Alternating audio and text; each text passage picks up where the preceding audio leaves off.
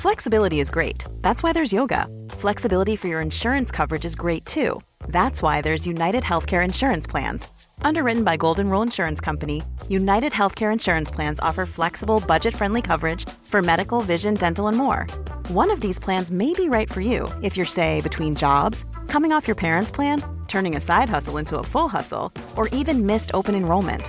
Want more flexibility? Find out more about United Healthcare Insurance Plans at uh1.com.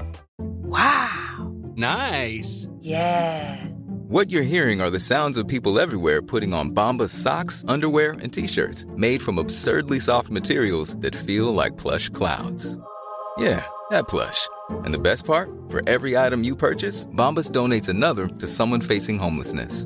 Bombas. Big comfort for everyone. Go to bombas.com slash ACAST and use code ACAST for 20% off your first purchase. That's bombas.com slash ACAST. Code ACAST. Systrarna Elvstrands hästpodd är producerad av Mediahouse by RF. Hej på er alla goobitar där ute och välkomna till avsnitt 41. alltså jag och Anna vi har precis slängt i oss lite chokladbollar som jag har bakat så jag tror att vi är lite flummiga för vi hade egentligen tänkt podda imorgon istället men så fick vi feeling och körde idag. Ja, det gjorde vi och därför var det lite passande med godbitar då kanske. Ja, jag vet. Och på tal om chokladbollar, alltså det är något sånt, när jag äter chokladbollar, antingen så ska jag eller du ha bakat dem eller så köper jag något som har varit producerat i en fabrik. För jag blir typ så här äcklad av tanken av att äta en chokladboll som någon annan människa har bakat och liksom rullat med sina fingrar. Och man har inte koll på hygienen. Jag har inte varit i någon ugn så att det har liksom potentiella bakterier har eh, bränts bort. Nej jag vet, jag, jag är också lite skeptisk mot det och när jag bakar chokladbollar, alltså jag är alltid noggrann med hygienen men då är jag extra noggrann när jag gör mm. chokladbollar. Att man typ tvättar händerna mellan så här varannan chokladboll som man rullar och sånt. för att det är, ja, jag vet inte. Och man vet ju framförallt inte vem det är som har gjort de här chokladbollarna. Jag vet, det är det som är det läskiga. Och grejen är att jag bryr mig inte om dina bakterier för menar, vi är ändå samma familj så det känns ju liksom inte så äckligt. Ja, det är klart jag skulle kunna äta om mamma hade bakat också. Ja, men, men hon, inte pappa? Han är, har ju lite sketnare fingrar eftersom han håller på och jobbar i, med bilar och sådär. Så det jag hade nog inte gjort om pappa hade bakat. Men eh, ja, jag vet inte. Jag vill ju inte tro att jag är någon så här basilskräckis egentligen. Men jag eh, är nog det när det kommer till vissa grejer. Ja, lite grann kanske. Men jag tror att det är hälsosamt att vara lite vakt, avvaktsam mot basiller eller vad man ska mm. säga. Att man inte bara säger Åh, jag, kan, jag kan slicka på vad som helst. Jag kan slicka på det här trappräcket om du vill. Nej, exakt. Nej, fy fasen. Ja.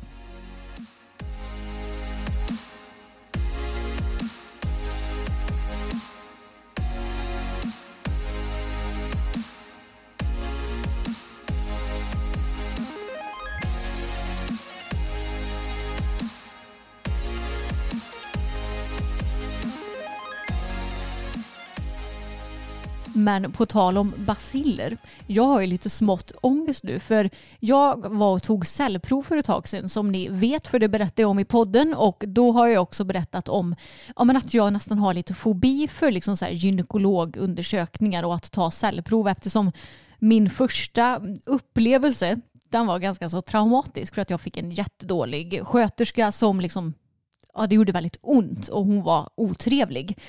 Och nu visar det sig att jag har cellförändringar så nu måste jag in igen. Då ska jag åka till Lidköping till sjukhuset på en gynekologundersökning och undersökas med mikroskop och allt vad det är. Så det kommer, bli, det kommer ta längre tid och det kommer bli en krångligare undersökning så jag känner bara nej. Ja och så måste du åka själv så jag kan inte åka och hålla dig i handen. Nej. Men det hade, hade jag nog inte velat nej, göra ändå. Det hade, du inte det hade du inte behövt göra heller. Men jag kände bara nej, alltså det är klart som fasen att jag som är liksom rädd för gynekologundersökning i princip. Att jag ska ha förändringar så att jag måste genomgå fler sådana här. Ja, jag vet. Men det, du kommer fixa det gumman. Ja, och jag har faktiskt beställt hem eh, ansiktsmasker också. Mm. Eller munskydd eller vad det nu kallas för. Så det ska jag ha på mig då. Mm. För jag, nu när corona ökar, vi har ju blivit skitnojiga. Vi träffar ju ingen förutom vår familj och våra respektive. Nej precis. Men jag tycker att man ska vara försiktig. Jag blir så fruktansvärt provocerad. Jag vet att vi har pratat om det tidigare.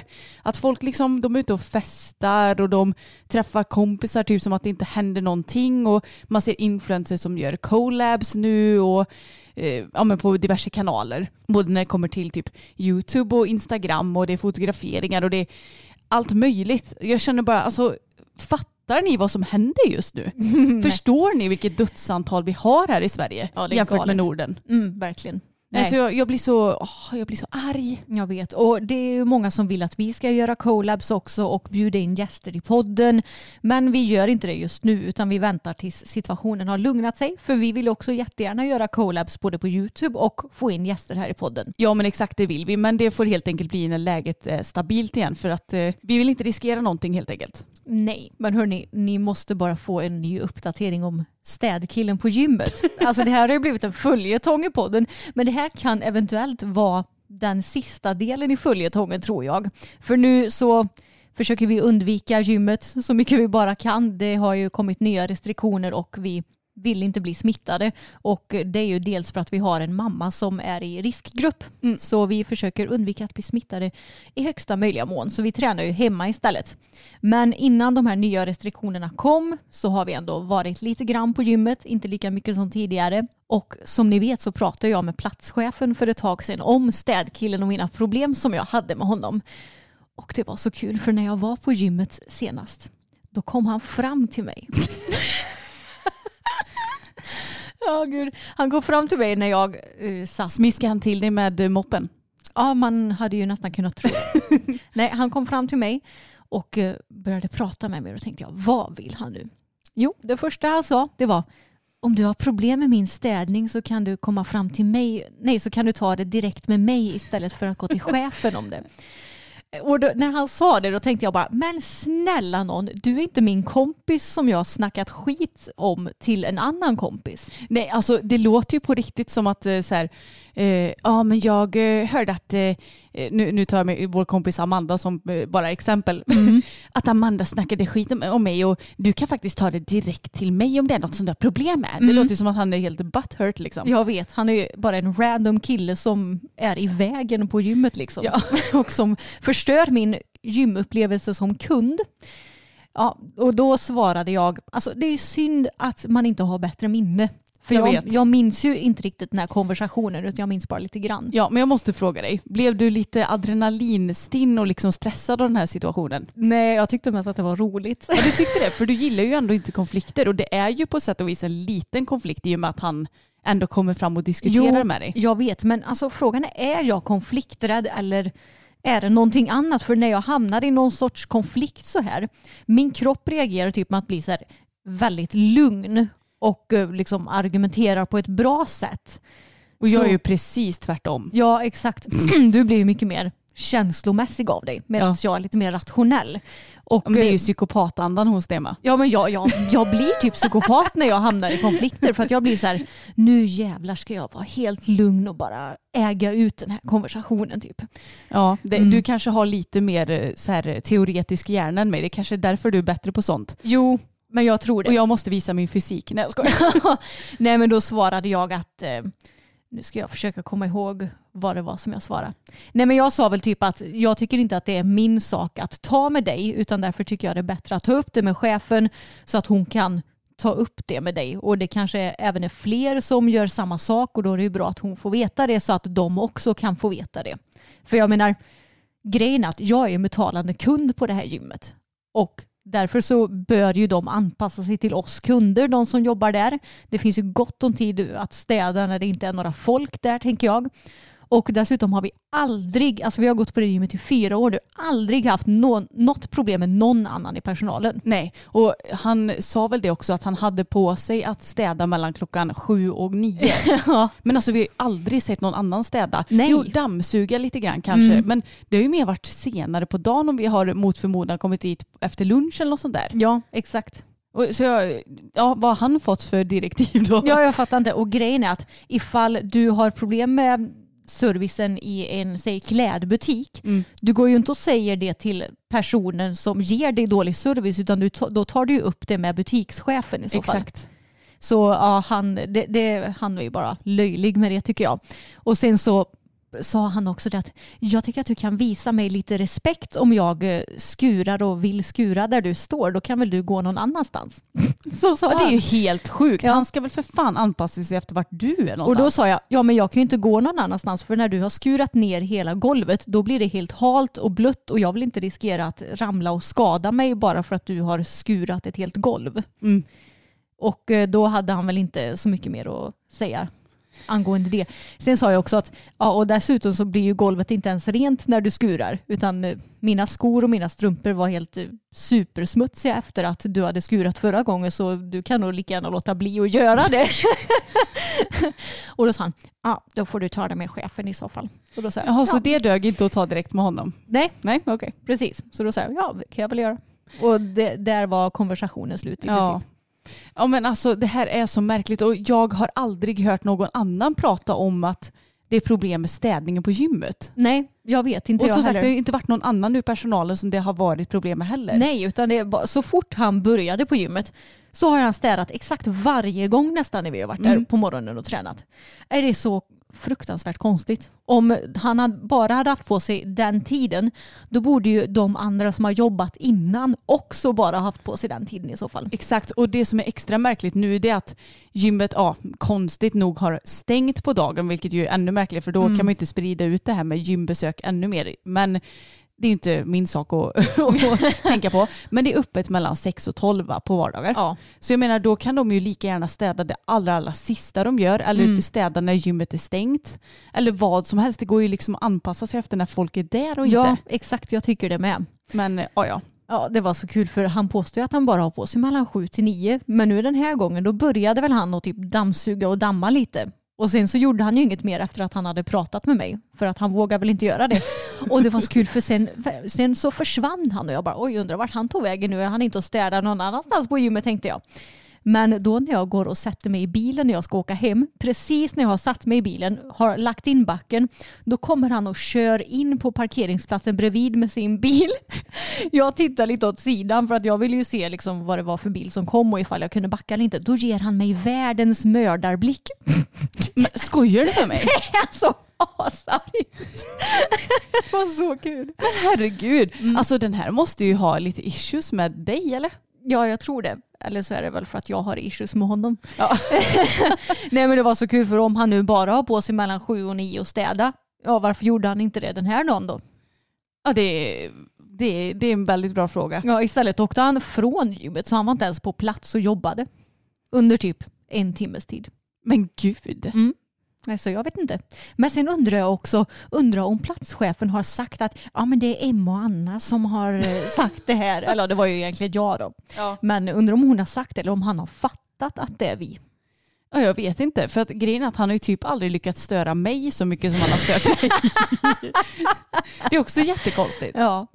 Ja, vi får se om det här blir, nu, nu vet ni ju, det här kanske blir sista följetongen som sagt, men eh, vi får ju se om det blir bättre i eh, framtiden eller inte då.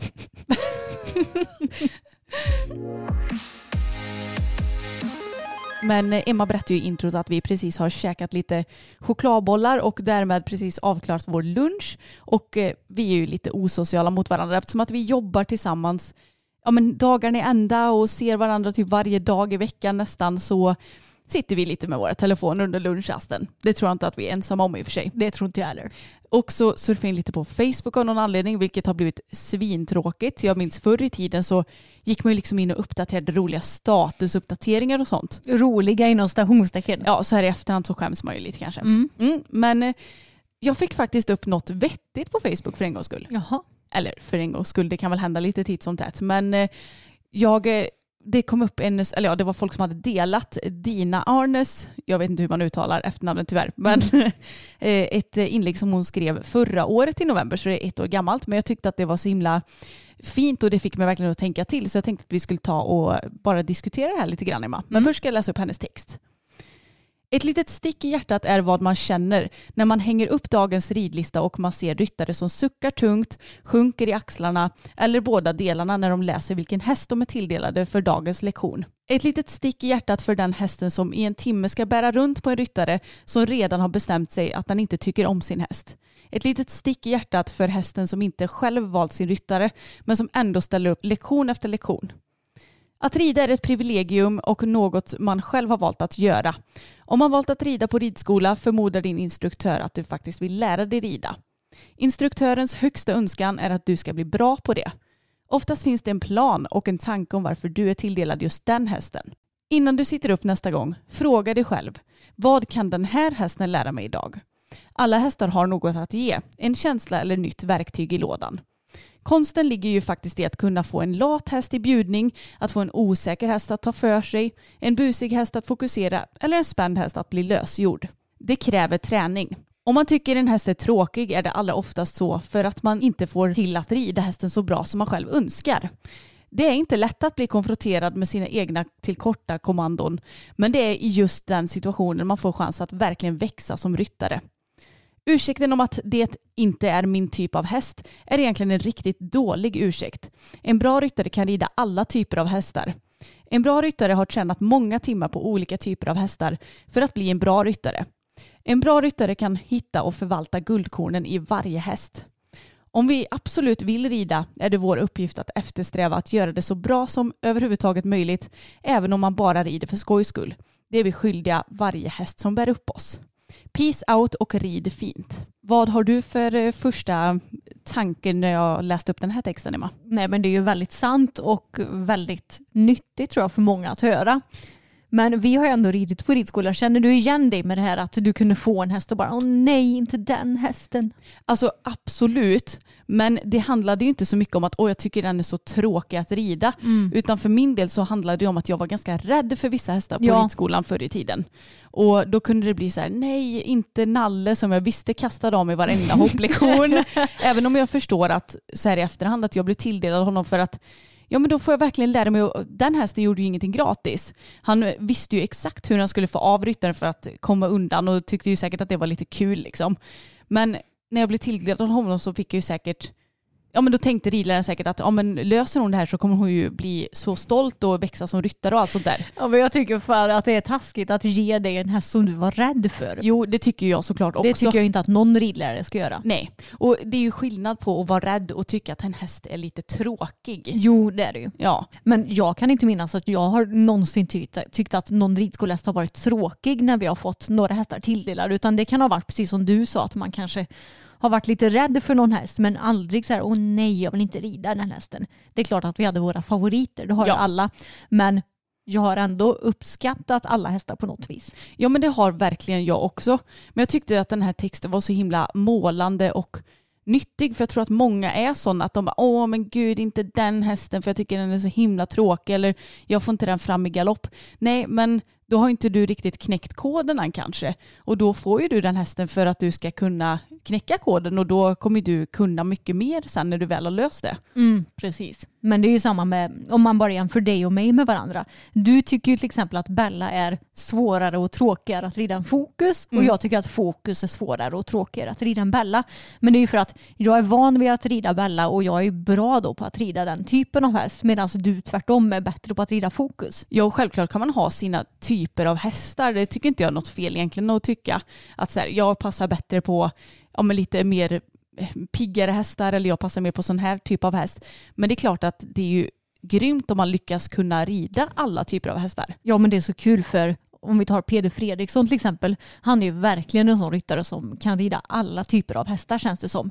Jag vet att när han köpte Hansson, alltså jag hade ju sett den hästen lite innan och tyckte allvarligt talat att det såg ut att vara en ganska trökig häst. Alltså den såg ut att vara ganska så seg, dåligt framme för skänken, lite så här, ja men den såg lite omotiverad ut helt enkelt, även om den såklart alltid har varit en fin häst. Och sen fick han den och den, helt plötsligt så har den fått en helt annan bjudning, en helt annan approach. Liksom den ser mycket piggare och gladare ut och hoppar ju helt fantastiskt och är liksom snabb och superhärlig. Så det är verkligen ett bevis på att är du en riktigt bra ryttare då kan du ta dig an alla typer av hästar och förvalta dem till det bästa. Verkligen, han kan ju plocka ur det bästa ur varje häst och det blir väldigt tydligt på så sätt.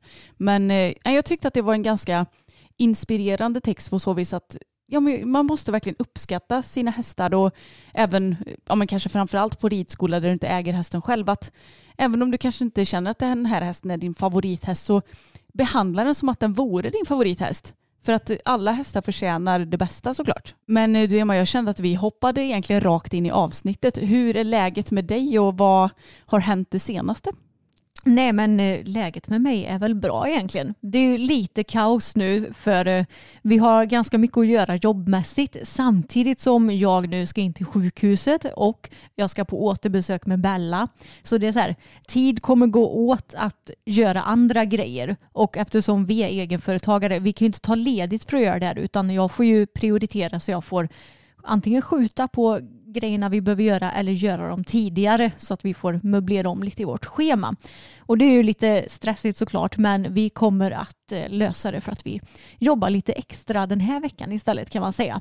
Men jag är glad över att jag har suttit upp på Bellis igen nu för första gången efter skadan. Ja, vad är planen egentligen med henne nu? Ja men nu ska hon skritta i en och en halv vecka till och sen ska vi på återbesök och då får vi se vad veterinären säger om hon ser bättre ut eller om hon kanske kommer behöva någon mer behandling eller ja, hur det nu än må vara. Och så Mm. hoppas jag på att det inte har kommit fram någonting mer heller nu när hon har blivit behandlad.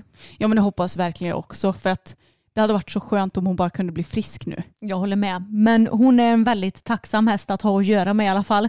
Hon är så snäll att gå ut och gå med. Hon eh, var så snäll att rida nu idag som var första gången som jag red henne på två veckor.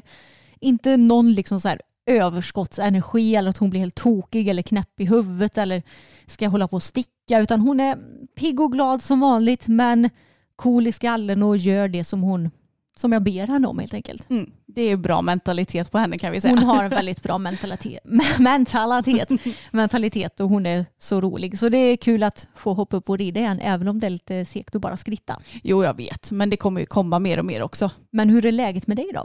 Jo men det är fint, tack som frågar. men det är ju såklart lite tråkigt. Jag känner att jag saknar verkligen våra kompisar så himla himla mycket.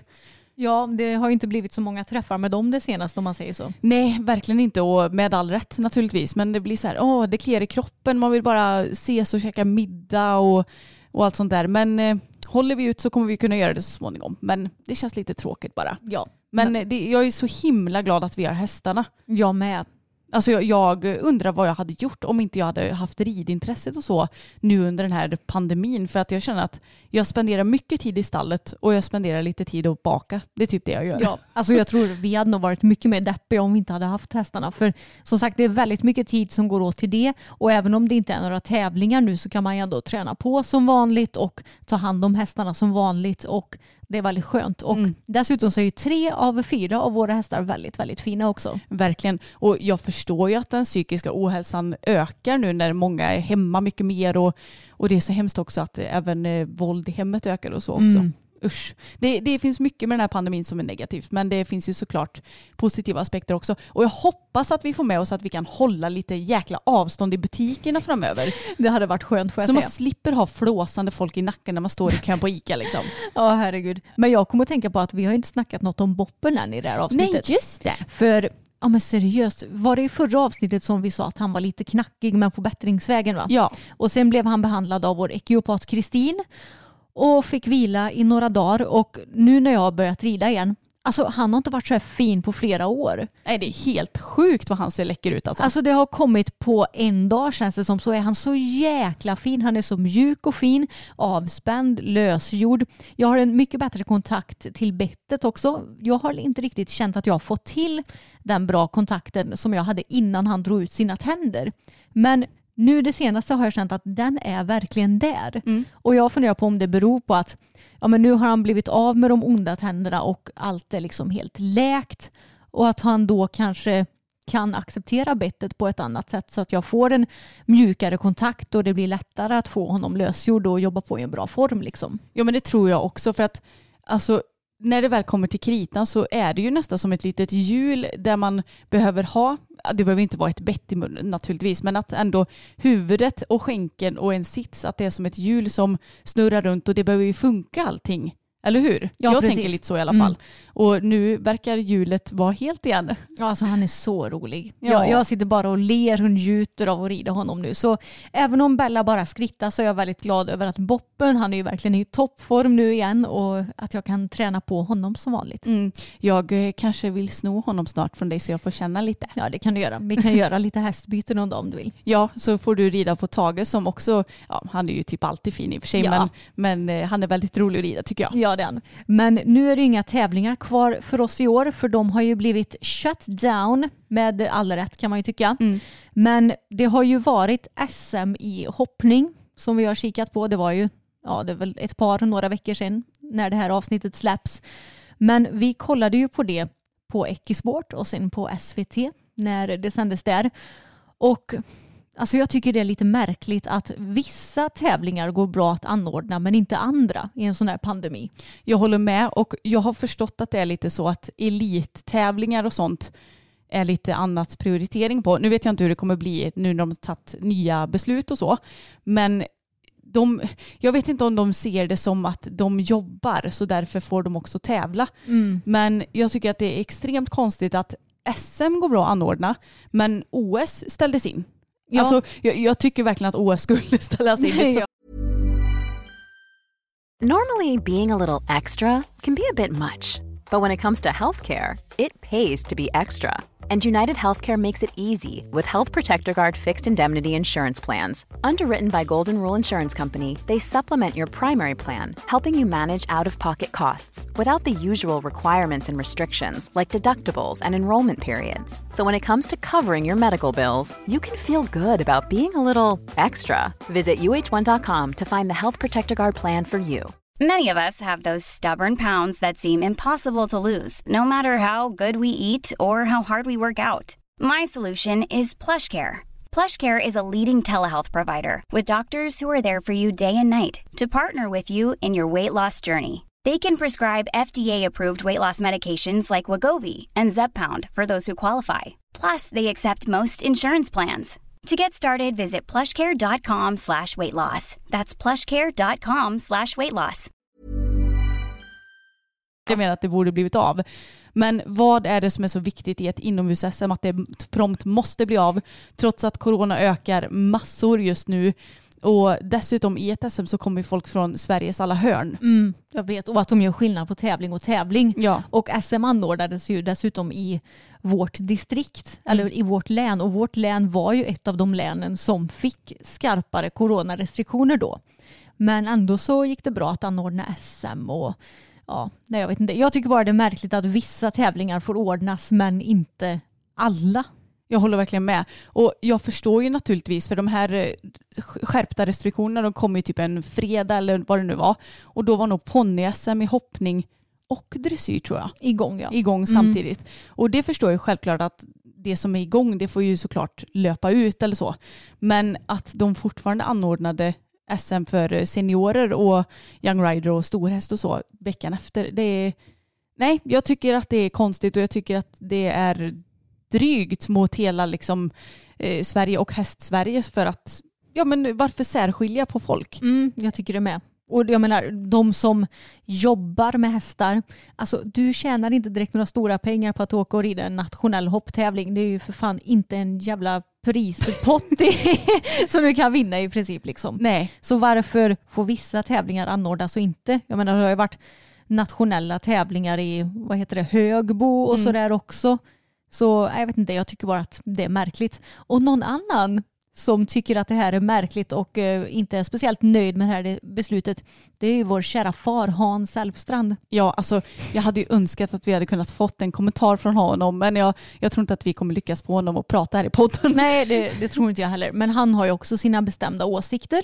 Och han tycker väl precis som oss att Ridsportförbundet, de är kanske inte de allra vettigaste alla gånger. Nu kommer ännu ett citat härifrån Hans Elfstrand. Ni kanske minns hans härliga citat för några gånger sedan. Om ambulanser och så. Precis, om ambulanser. Men nu är det här ett citat om Ridsportförbundet. Ja, det där Ridsportförbundet är bara ett gäng dårar som sitter och bestämmer. Åh, pappa.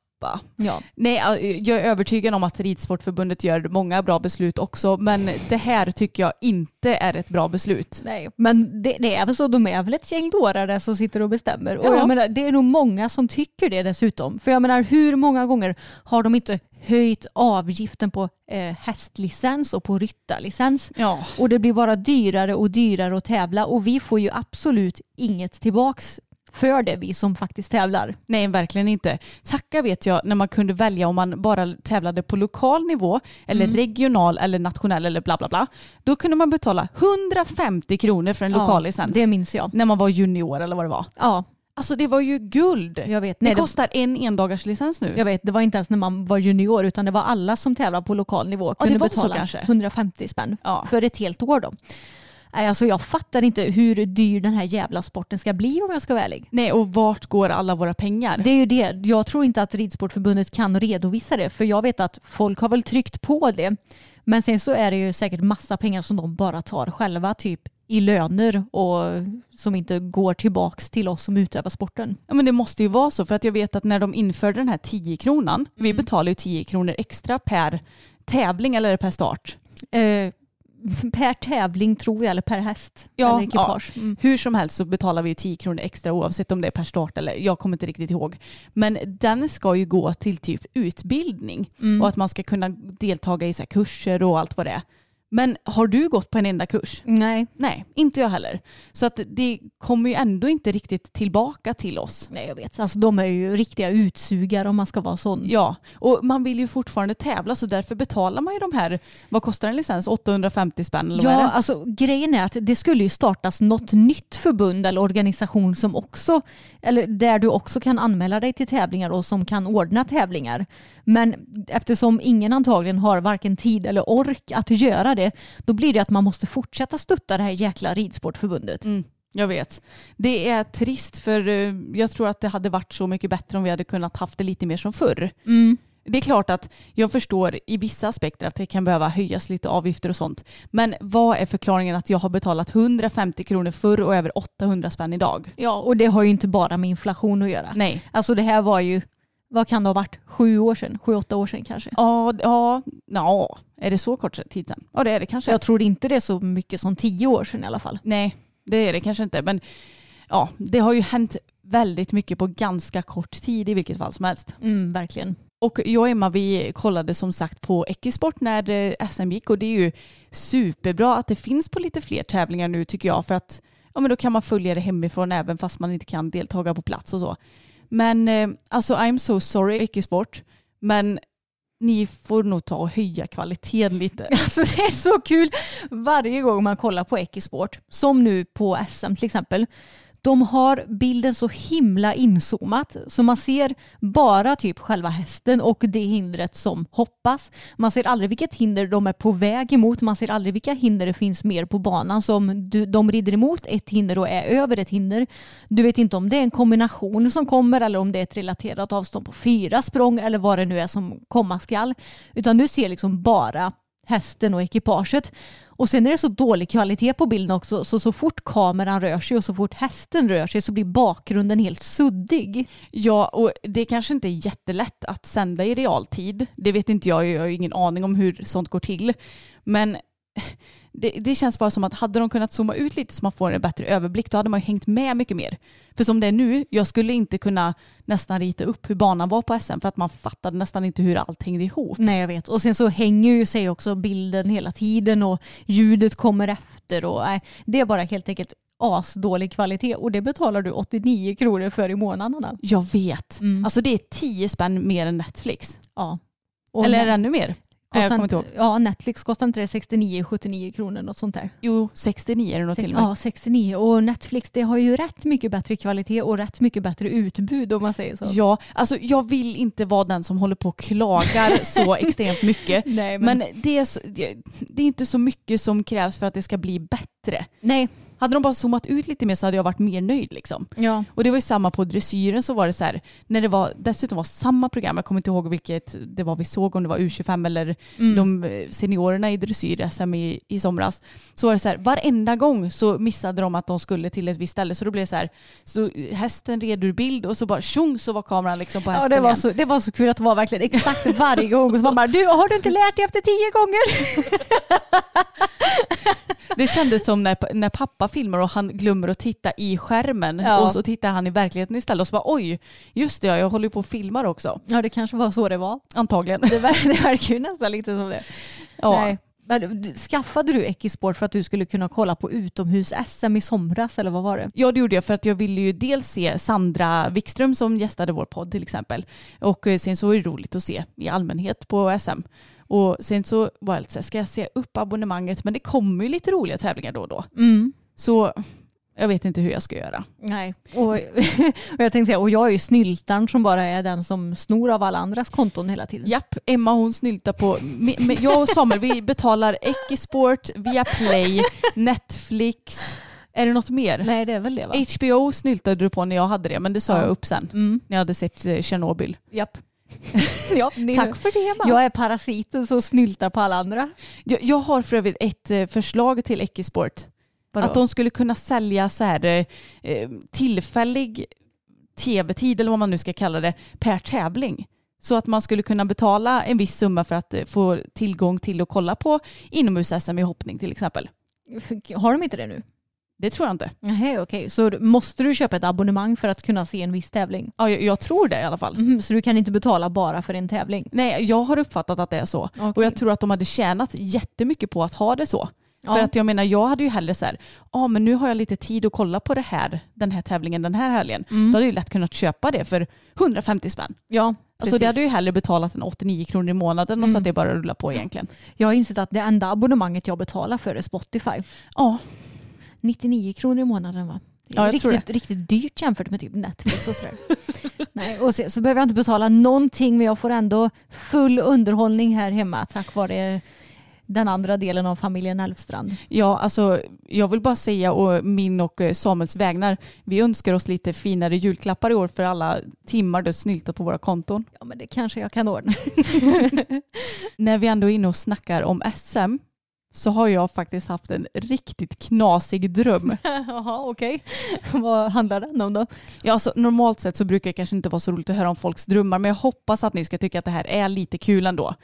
För det var nämligen så här, det måste ju vara för att det har varit SM det senaste. Jag skulle då delta i Holiday dressyr ponny SM. Okej. Yes. Jag hade en ponny vid namn Petersborgs Gideon. Den här gamla herren finns tyvärr inte längre idag men han stod på vår ridskola och har ägts av en bekant till oss eller vän till oss under alla år men sen så fick hon ta bort honom för några år sedan. Världens sötaste häst och han var såklart en av mina favorithästar. Men eh, ja, jag red då honom på ett ponnyhack. så det var tydligen tillåtet. Och jag fick 63 procent och vann SM-guld Woo! på 63 procent. Ja, det gör man inte direkt eh, nu för tiden. Man kommer väl typ sist på 63 procent. Men det sjukaste av allt, det var det på prisutdelningen.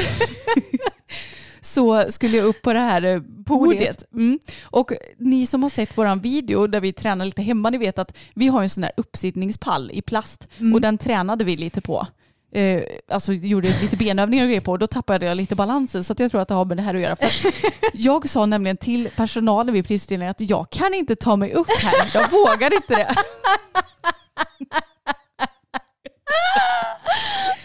Och de bara, nej men det, det går bra, du kan stå här på marken istället.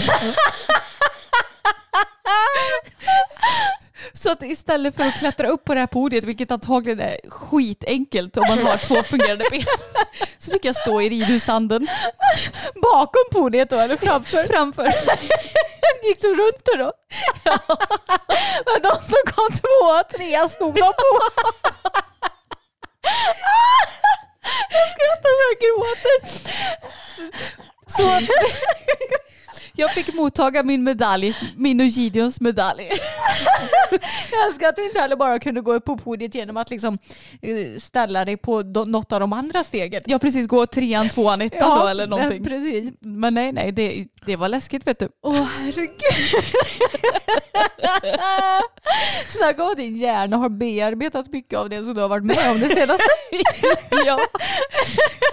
Åh herregud. ja, så 27-åriga Anna har alltså vunnit sitt första SM. Applåder! Oj, nu blir det kaos här. Grattis, grattis. Tack så mycket.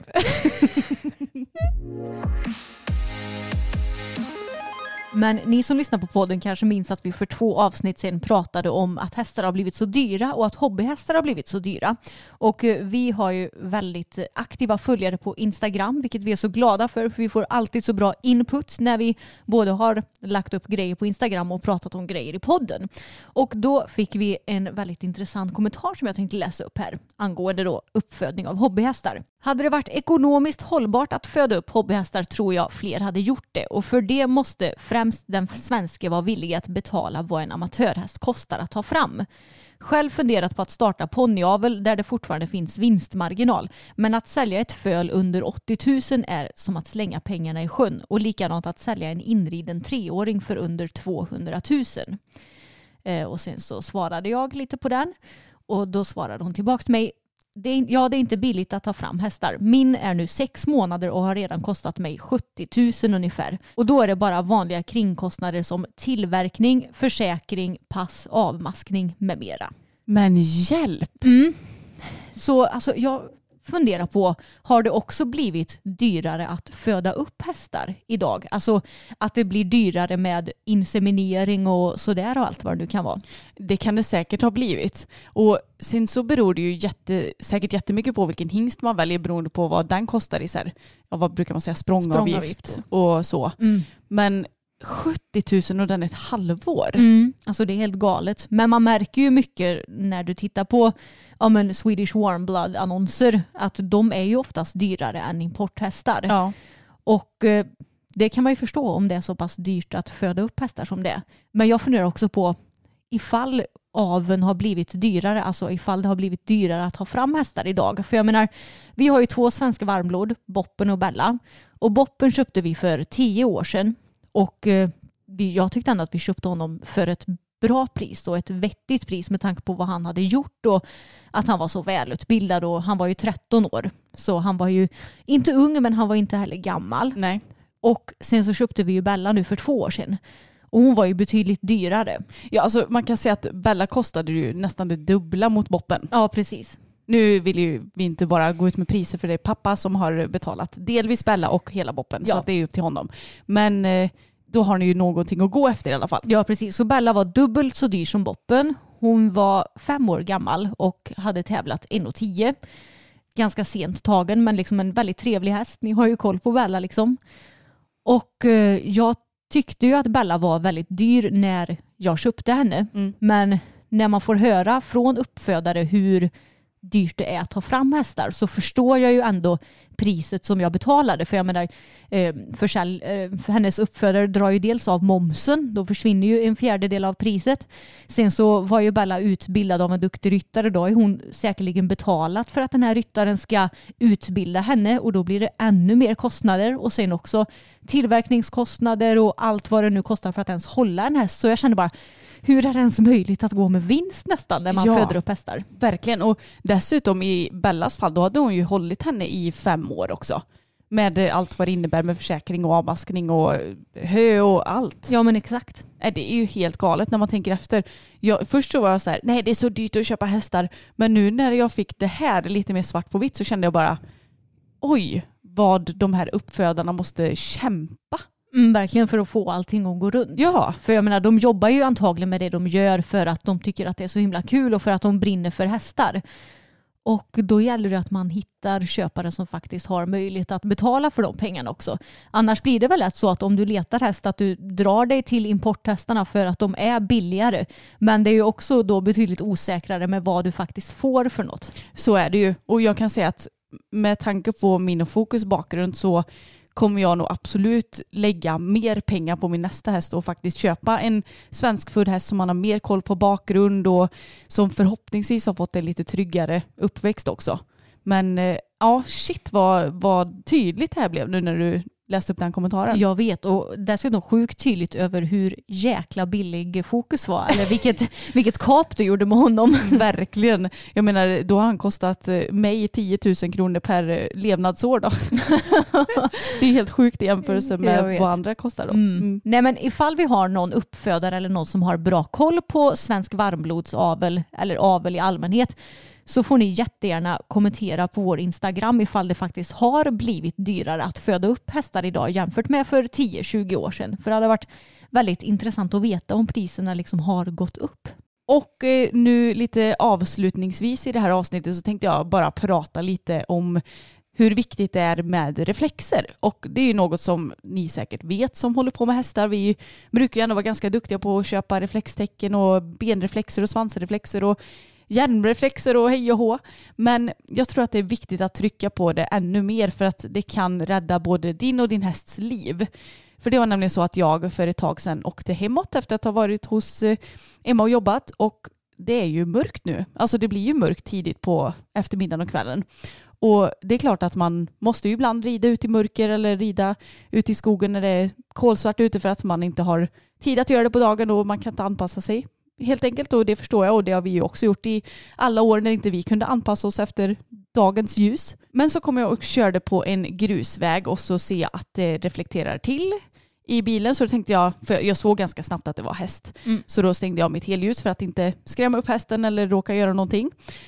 Och så kör jag långsamt bakom och ser att de fortsätter att gå på vägen och så antar jag att de försöker hitta något ställe där de kan liksom vika av och jag ser att det är två hästar. Sen så efter en stund så ser jag mig en mörk skepnad till Mhm. och bara jaha, vad är det här nu då? Och sen så när jag liksom får skärpa till ögonen ännu mer, Anna gjorde precis en väldigt rolig min mot mig nu. jag, jag flörtade nästan med Ja. ja. då ser jag att det är ännu en häst. Och då tänkte jag, oj, är det en ryttare som helt har missat reflexer? För att jag trodde att, ja, men, att den inte hade några reflexer överhuvudtaget på Mm. Men sen så när jag skärper ögonen lite till så ser jag att det är en handhäst Va? som inte har en endaste liten reflex på sig. Skojar du med mig? Nej, jag skojar inte alls. Men herregud. Ja. Så det var två ekipage med reflexer och sen hade den ena ryttaren en handhäst. Gick handhästen i mitten då eller? Ja, typ lite halvt mitten slash bakom. Mm. Så att jag, jag känner bara så här att reflexer är viktigt alltid. Men väljer du att rida med en handhäst när det är totalt kolsvart ute och inte har en enda reflex på den här handhästen. Vad gör du då om den skulle bli skrämd, sliter sig och sticker till skogs? Det känns ju som att eh, det är en ganska stor risk att en handhäst faktiskt kan bli rädd för något och slita sig. Jag menar, du har ju, inte, du har ju verkligen inte speciellt mycket kontroll när du sitter på en annan häst och håller i en handhäst. Nej, verkligen inte. Och du har ju inte kraft nog att hålla emot en häst om den får för sig att Nej, sticka. då flyger du ju av. Ja, så att eh, jag, jag blev så stressad i själen av att se en dessutom helt kolsvart häst såg det ut som i mörkret Ja dessutom utan reflexer och jag känner bara att är du ute oavsett om du rider eller promenerar eller alltså täck med reflexer. Det går inte att ha för många. Se ut som en julgran. Det är ju jättepassande nu när vi börjar dra mot juletider. Ja, det var väl eh, någon eh, man när du och Tage var ute och red för några år sedan och du hade på er fullt med reflexer som Mm. trodde att ni var en grävling eller vad fan sa han? ja. Dessutom hade jag nog en pannlampa och när jag rider på asfaltvägen så brukar jag sätta den på blinkande läge Mm. för att bli extra uppmärksammat att det faktiskt är ja, men något annat där. Och då så stannar den eh, och så sa men gud jag trodde nästan det var en grävling och jag tänkte bara Hur då? grävling är liksom jätteliten i jämförelse med mig och Tage. Ja. Men ja, det, det är bra att se ut som en grävling tydligen. Ja, verkligen. Nej, så på med reflexerna hörni och ifall ni rider med handhäst, på med reflexer på den också. Annars så riskerar ni ju verkligen livet på den hästen om man säger så. Ja, för man vet aldrig vad som kan hända. Oavsett om det är en väldigt snäll handhäst så kan det hända saker som gör att den sliter sig. Och sen så vill jag också bara passa på att säga att reflexer har ju en livstid på, jag tror att det är ungefär tre, fyra år. Men det beror ju också på hur mycket, alltså vad ska man säga, skav och sånt som sker på själva reflexen. Så kolla era reflexer också så att de faktiskt funkar ordentligt. Men hörni, innan vi ska avsluta den här podden så måste vi bara tipsa er om att vi har Black Week nu på vår webbshop Hästhuset. Och då har vi 15% rabatt på våra egendesignade ridleggings ifrån Unicastrian Equipment och 15% rabatt på alla utetecken ifrån AB. Och de här täckena det är ju de bästa tecknen som finns enligt oss och de är redan sjukt prisvärda innan rabatten. Så jag kan säga att nu kan man få ett regntäcke från drygt 380 kronor och sen uppåt då beroende på vilken kvalitet man vill ha i tyget och hur tjock fyllning man vill ha om man vill ha hals och sådär. Och vi har ju alla varianter som finns i princip på tecken. Verkligen, allt från ofodrade regntecken till 500 grams tecken. Och jag Mm. tror att vi är ganska unika med den tjockleken. Jag tror det med, det känns som det. Och tecken med hals, halvhals, utan hals, alltså det finns verkligen någonting för alla. Och eh, Bella, hon är ju en väldigt grov häst. Hon har en storlek större i de här teckena, men våra andra tre hästar, de har ju sin normala storlek. Så har du en grov häst, ta en storlek större. Har du lite mer sportiga hästar, ta din normala storlek. Precis, och eh, sen så vill vi också säga att våra leggings de är också väldigt prisvärda nu för att vi sätter ju rabatten på vad de kostar från början. Och våra rosa ridleggings kostar ju normaltvis 499 kronor och med 15% rabatt blir det ju det ett väldigt trevligt pris. Och de vita kostar normalt sett 599 så det blir också ett väldigt bra pris. Och det är bra att kanske ladda upp med lite vita brallor inför förhoppningsvis nästa års tävlingssäsong. Precis, och de vita och rosa finns i eh, lager i alla storlekar. De blåa och bruna finns inte i lager i de större storlekarna och eh, det är ju för att de har sålt ut där och eh, det här är limited edition ridleggings så de kommer inte att komma in igen i storlek utan vi valde att vi gör en kollektion nu. Det var svindyrt att ta fram och eh, vi är två fattiga tjejer så vi kan inte ta fram något mer just nu i alla fall. Får se om det blir i framtiden. Ja, men eh, passa på att shoppa loss nu och det passar ju bra i mörkertider med Black Week. Precis, så in på hästhuset.se med er nu och eh, shoppa loss om ni är sugna på det. Men tack så jättemycket för att ni har lyssnat på det här avsnittet och gå jättegärna in och prenumerera på vår YouTube-kanal som heter systrarna Elfstrand. Och följ oss gärna på Instagram där vi också heter systrarna Elfstrand. Ja, och sen får ni ju jättegärna prenumerera på podden om ni gillar den också. Då blir vi superglada. Ha det så bra allihopa! Hej då! Hej då!